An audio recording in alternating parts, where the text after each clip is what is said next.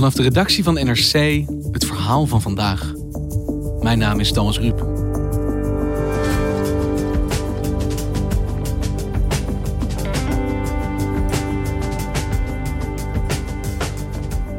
In tijden van crisis kan geloof mensen hoop en troost bieden.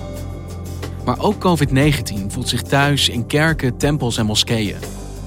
Het virus kon zo zelfs sneller verspreiden, ziet buitenlandredacteur Floris van Straten via pelgrims, religieuze bijeenkomsten en bidsessies. Hoe gaan religies daarmee om?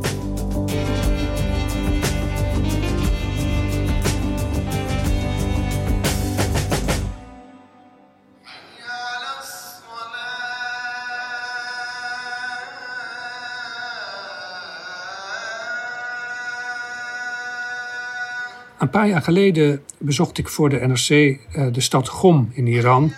Uh, dat is zo'n 125 kilometer van uh, de Iraanse hoofdstad Teheran af. Um, en dat is een van de belangrijkste heiligdommen voor Sjiitische moslims in de wereld. Als je daar binnenkomt, is het echt een, fantastisch complex met prachtig bewerkte tegels en spiegels, hele elegante minaretten met gouden koepels en, en noem maar op. Je hoort er ook uh, vaker dan het geluid van het gebed uit de speakers, uh, behoorlijk luid. En je bent omgeven door, door duizenden pelgrims, niet alleen uit Iran, maar ook uit de rest van de wereld, die daar allemaal naartoe komen. Veel van die pelgrims die gaan min of meer linea recta af op het graf van uh, de heilige, die daar ook begraven is. Omdat ze denken dat er een, een zegenende kracht van uitgaat van zo'n bezoek. Er staat een hek om, dat heiligste van het heiligste, waar veel pelgrims uh, het hekwerk proberen te kussen en, of, of eraan te likken, om maar zo dicht mogelijk uh, bij die heilige plek te zijn. Datzelfde hek is nu ook een van de uh, meest omstreden plekken in Gom geworden, want dat is ook bij uitstek natuurlijk een enorme bron van besmetting. En het is inmiddels komen vast te staan dat juist in Gom uh, de eerste besmettingen zich hebben voorgedaan met het coronavirus in Iran. En dat het van daaruit uh, ook in een razend tempo over de rest van het land en ook over uh, andere delen van het Midden-Oosten zich heeft uitgebreid. De uitbraak is begonnen in de als heilig beschouwde stad Kom. Maar bedevaartsgangers tonen zich er onbevreesd voor het virus. Het ziekenhuis in Kom ligt vol met lichamen. Uit heimelijke geluidsopnamen wordt ook gewacht gemaakt van massagraven. Dat heeft echt uh, enorme consequenties gehad. Juist ook in Gom zelf. Uh, er zijn op een gegeven moment ook beelden naar buiten gekomen van massagraven die daar zijn gedolven. Van uh, mensen die waren omgekomen door het, door het virus. Als de cijfers kloppen. Want het vermoeden bestaat dat de situatie er veel erger is dan het regime doet voorkomen. Jij hebt je voor de krant verdiept in de rol die dit soort religieuze plekken hebben bij de verspreiding van het coronavirus. En waarom ben je dat gaan doen? Nou ja, dat was omdat er een aantal van die voorbeelden eigenlijk in het oog sprongen. Ik merkte dat uh, dus in Gom dat dat een hele belangrijke besmettingshaard kon zijn. Zo'n plek waar heel veel pelgrims bij elkaar komen en waar mensen samen gaan bidden. Uh, dat bleek ook niet lang daarna in Zuid-Korea, waar het uh, COVID-19 ook stevig toesloeg. In the beginning, there weren't that many uh, patients. The growth was relatively slow until patient 31 came up. She is uh, around 60 years old and she's a member of the Shincheonji Church. And it's believed that it's those kinds of worshiping services that created the environment for this virus to spread so quickly. En je, je ziet hetzelfde bijvoorbeeld ook in de ultra-orthodoxe uh, gemeenschap in uh, zowel Israël als in uh, New York. In Israël hebben ze zelfs vorige week nog een uh, plaats in de buurt van Tel Aviv afgezet. Daar waren ook enorm veel besmettingen geconstateerd. After weeks during which some rabbis were contradicting government orders, encouraging schools and synagogues to carry on as normal, police toughened their response, making several arrests. Some have been abused, called Nazis. One ambulance crew was attacked with rocks. Ook in uh, Tanzania zag je dat uh, zo'n politieke leider, president Magufuli, eigenlijk niet aan de sluiting van kerken wil, omdat hij vond dat het coronavirus een satanisch verschijnsel was En daar moest je juist tegen wapenen door te bidden, in kerken onder meer. kwa sababu tunajua huku kanisani na misikitini ndipo kwenye uponyaji wa kweli. Het speelt ook uh, volop in uh, de Verenigde Staten. Je hebt verschillende haarden ook gehad die afkomstig waren uit kerkelijke bijeenkomsten. Heel recent ook nog weer in Californië, waar ook weer 70 gevallen uit een uh, kerkelijke bijeenkomst vielen te herleiden. Health officials say they've been able to track 71 cases back to one church near Rancho Cordova. At least three pastors at the Bethany Slavic Missionary Church of Jackson Road have tested positive. Want je ziet hier dus eigenlijk een rol voor dit soort religieuze bijeenkomsten in het verspreiden van dit virus. Dat achteraf is terug te leiden, dat is daar Zeker, begonnen. Ja. En, en het, wat natuurlijk het fascinerende is, is dat uh, veel van die religieuze leiders, die zien het toch juist in deze moeilijke tijden als hun taak om, om de gelovigen bij te staan. En in tijden van nood, dan kom je bij elkaar in de kerk en ga je samen bidden, of in een tempel, of in een moskee, of in een synagoge. En ja, dat is juist nu zo gevaarlijk geworden. En de voorbeelden die jij noemt, dat zijn voornamelijk landen waarin religie natuurlijk een prominente rol in de samenleving nog steeds inneemt. Veel prominenter, denk ik, dan hier. Want zie je deze problematiek ook in Nederland? Nou, wij zijn ook niet immuun daarvoor. Want we hebben ook in Nederland al een geval gehad in Goeree-Overflakkee. Waar een, een, kerkdienst werd gehouden. Uh, waarbij vervolgens ook bleek dat er toch tenminste uh, ettelijke mensen besmet waren geraakt met het virus. Zondagochtend 8 maart. In de Emmauskerk in Middelharnis leidt dominee Lindert-Jan Linge een druk bezochte ochtenddienst. Uh, Zo'n twee derde van de aanwezigen, volgens de GGD, is op enige wijze besmet geraakt. En ja, vier mensen die aanwezig waren in die dienst zijn inmiddels helaas overleden. Goeree-Overflakkee kleurt donkerrood op de kaart met coronabesmettingen van het RIVM. Want hoe kan dat dan eigenlijk? Want iedereen is toch gebonden aan diezelfde regels van ja, sociale afstand, van niet bij elkaar komen? Dat is ook zo. En, maar goed, daar willen dus de gelovigen nog eigenlijk niet echt aan. Want die vinden het juist in deze cruciale, moeilijke tijd van het grootste belang om die kerken open te houden. Bijvoorbeeld het Reformatorisch Dagblad heeft er op een gegeven moment ook een uh, hoofdartikel aan gewijd.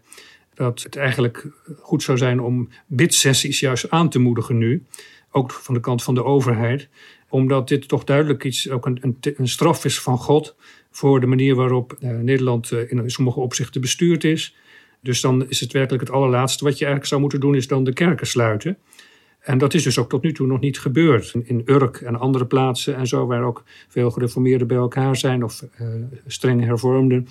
Daar komen nog steeds mensen bij elkaar in de kerk. En uh, dat is niet illegaal op zichzelf. Hier geldt uh, ook grondwettelijk in Nederland vanwege de godsdienstvrijheid dat je niet uh, in algemene zin kunt verbieden religieuze bijeenkomsten. We hebben wel gezegd maximaal 30 mensen. Maar het verbaast me dat in een land als Nederland er een uitzondering nog wordt gemaakt voor religieuze instellingen. Waar ik toch het gevoel heb, ja, kerken die lopen leeg. En dit neemt toch niet meer zo'n prominente plek in onze samenleving in dat het het risico waard is. Het speelde ook in de Tweede Kamer vorige week. Toen diende uh, de PVV een motie in om die uitzonderingen voor uh, religieuze bijeenkomsten uh, op te heffen.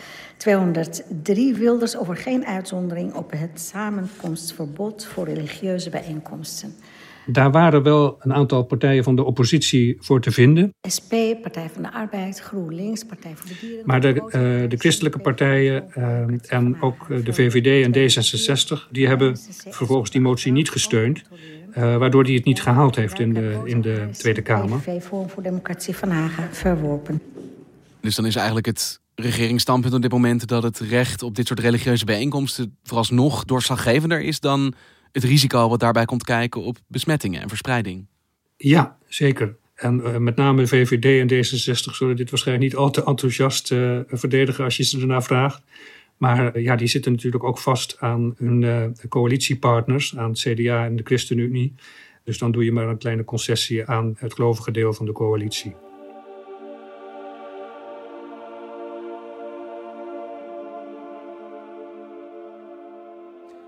Maar jij constateert dus eigenlijk dat wereldwijd en dus ook in Nederland geloofsbelijdenis en religie eigenlijk in strijd kan zijn met het bestrijden van dit virus, met het in van zo'n epidemie.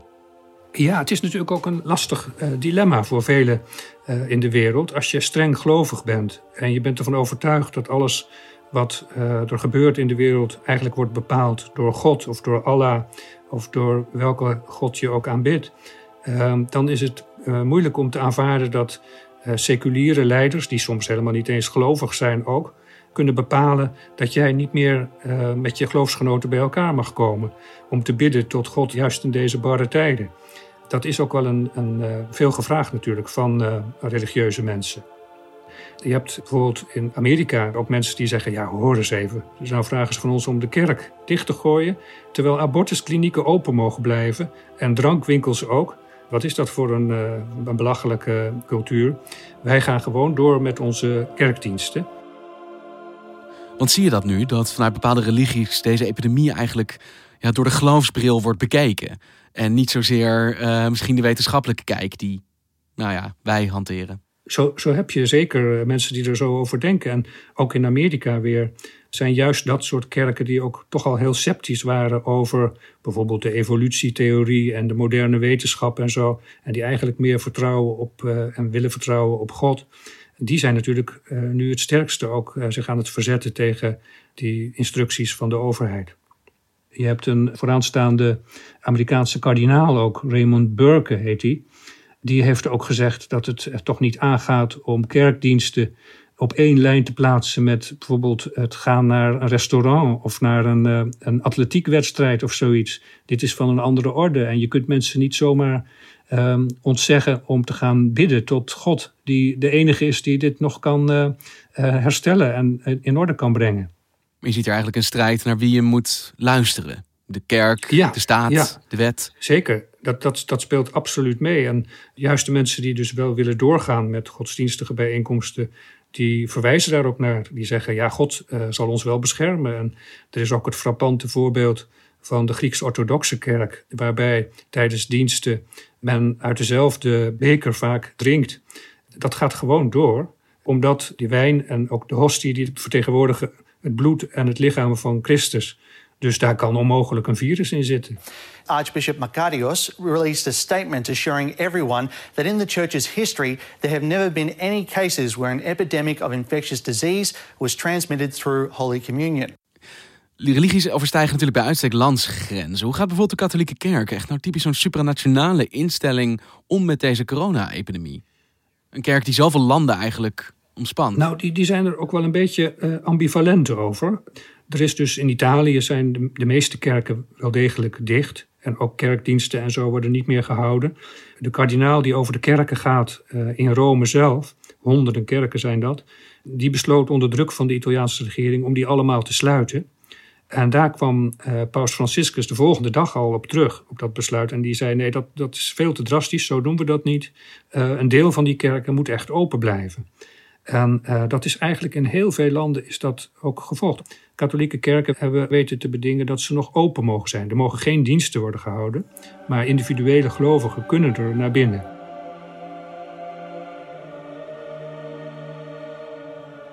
Want de behoefte om je geloof te kunnen beleiden, om nog wel samen te kunnen komen, die snap ik natuurlijk. Maar de gelovigen die dat doen, die nemen hier toch ook voor zichzelf een gigantisch risico mee. Dat is ook zo. En de essentie van hun, hun geloofsovertuiging is dat alles wat er gebeurt in hun leven gebeurt door, doordat het Gods wil is. Dus ook als zij ziek zouden worden, dan zij dat zo. Dan is dat kennelijk uh, zo bedoeld door God. En uh, dat aanvaarden ze. Het is een beetje in dezelfde geest misschien als het verzet ook in uh, gereformeerde kring tegen vaccinaties. Waardoor natuurlijk ook kinderen grotere risico's lopen en soms gaat dat mis. Uh, en het enige wat wel enigszins dan weer tot, uh, ja, mensen tot reden brengt, dat zag je bijvoorbeeld ook bij de ultra-orthodoxe Joden. Als je eenmaal toch gewoon niet meer kunt logenen, dat er plotseling wel erg veel mensen uit je eigen kring ziek worden en doodgaan, dan word je toch voorzichtiger. Die werkelijkheid kunnen ze ook niet negeren natuurlijk. Dus dat leidt toch wel tot meer terughoudendheid ook wat dat betreft. Want zie je inmiddels dat die houding aan het veranderen is? Dat nu we meer directer ook de gevolgen voelen van deze epidemie, ook religieuze leiders tot inkeer komen? Ja, je ziet wel hoe dat geleidelijk aan verandert. Uh, de meeste religieuze leiders die stellen zich wel heel behoedzaam op en aanvaarden wel het gezag van medici en van seculiere bestuurders. Als die zeggen dat het toch echt verstandiger is om maar niet bij elkaar te komen. Je ziet uh, het op allerlei vlakken terug. Hè. Bijvoorbeeld, het was een ongekend gezicht om de paus anderhalve week geleden een toespraak te zien houden, een preek, uh, vanaf zijn, het balkon van uh, de Sint-Pieter voor een volstrekt uitgestorven leeg plein. terwijl hij zelf dan in de schijnwerpers zat voor de opnames. en nou ja, troost probeerde te bieden op die manier aan de honderden miljoenen katholieke gelovigen die hiermee te kampen hebben tanto che ormai era piena. Ci siamo trovati impauriti e smarriti. Come i discepoli del Vangelo siamo stati presi alla sprovvista da una tempesta inaspettata e furiosa. Maar dat geldt niet alleen voor de katholieken, het geldt ook in de islamitische wereld. Daar is de, de, de beroemde blauwe moskee in, in Istanbul is dicht. De Omayyade-moskee in, uh, in Syrië is voor het eerst in zijn duizendjarig bestaan is die gesloten. Het gaat echt om unieke omstandigheden die veel geloven ook niet eerder hebben meegemaakt. En hoe is dat nu in Iran? Maar die crisis natuurlijk zo groot geworden is. Wordt daar nog steeds aan nou ja, heiligdommen gelikt, gekust? Nou, het heeft uh, lang geduurd voordat de autoriteiten dan toch de moed verzameld hadden om die heiligdommen te sluiten. Inmiddels zijn ze dicht. In Iran hebben gelovigen het beroemde mausoleum van imam Reza bestormd. Het heiligdom was gesloten om de verspreiding van corona tegen te gaan. Maar ze hebben dus echt voor uh, enorm veel besmettingen gezorgd. Niet alleen in Iran zelf, maar ook in uh, het buitenland. Hey, en we zien natuurlijk dat die coronacrisis op een bepaalde manier iedereen een heel klein stukje de toekomst induwt. Bedrijven moeten leren online vergaderen. Dienstverlening werkt op allerlei andere manieren. Allemaal om ervoor te zorgen dat mensen niet fysiek bij elkaar aanwezig zijn. Zie je dat inmiddels ook al bij religies? Dat er creatieve manieren gevonden worden om mensen hun geloof te kunnen laten beleiden, maar wel het risico te beperken? Uh, zeker, ja, er is echt op grote schaal natuurlijk ook nu voor het eerst door, uh, door veel religieuze leiders uh, een beroep gedaan op de nieuwe technologieën die daarvoor zijn om online uh, preken en gebedsbijeenkomsten te kunnen leiden.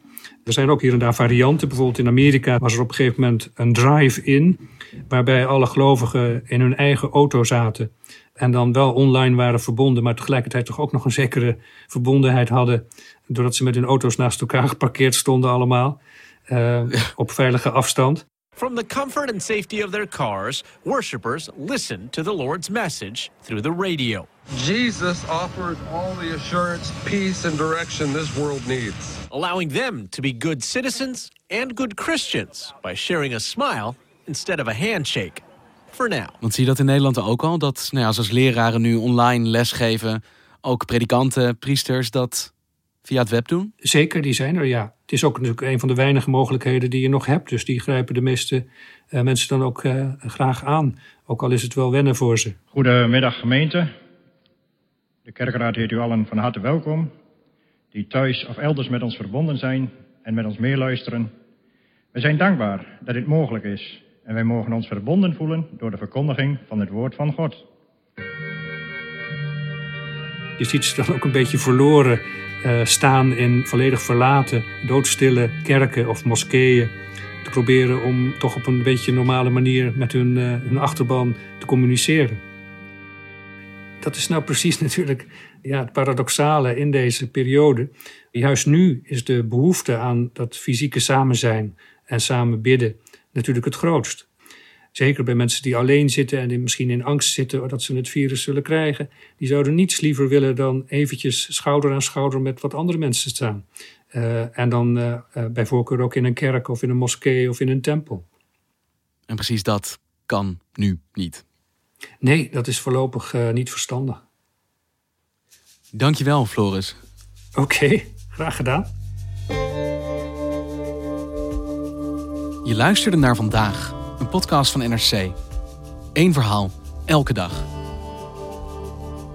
En ik geef graag ook nog even het woord aan mijn collega-presentator Lucas Brouwers van de wetenschapspodcast Onbehaarde Apen. Mijn naam is Lucas Brouwers en ik presenteer Onbehaarde Apen, de podcast van NRC over wetenschap. En we zitten nu in de gekke situatie dat wetenschap overal is. Het virus en hoe het beste te bestrijden en wat we moeten doen. Ja, die vragen komen in heel snel tempo op ons af. En waar we voor volwassenen die vraag heel goed proberen te beantwoorden in podcast en in onze krantenartikelen, is het voor kinderen soms moeilijk om goede informatie te vinden. En daarom willen wij kinderen de kans geven om ons hun vragen op te sturen. Dus ja, ken je een kind of ben je een kind? Stuur dan een vraag naar 06 85 65 0259. Een voiceberichtje via WhatsApp. En zeg dan even hoe je heet, hoe oud je bent, waar je vandaan komt en wat je vraag is. En dan duiken wij erin. Dit was vandaag. Morgen weer.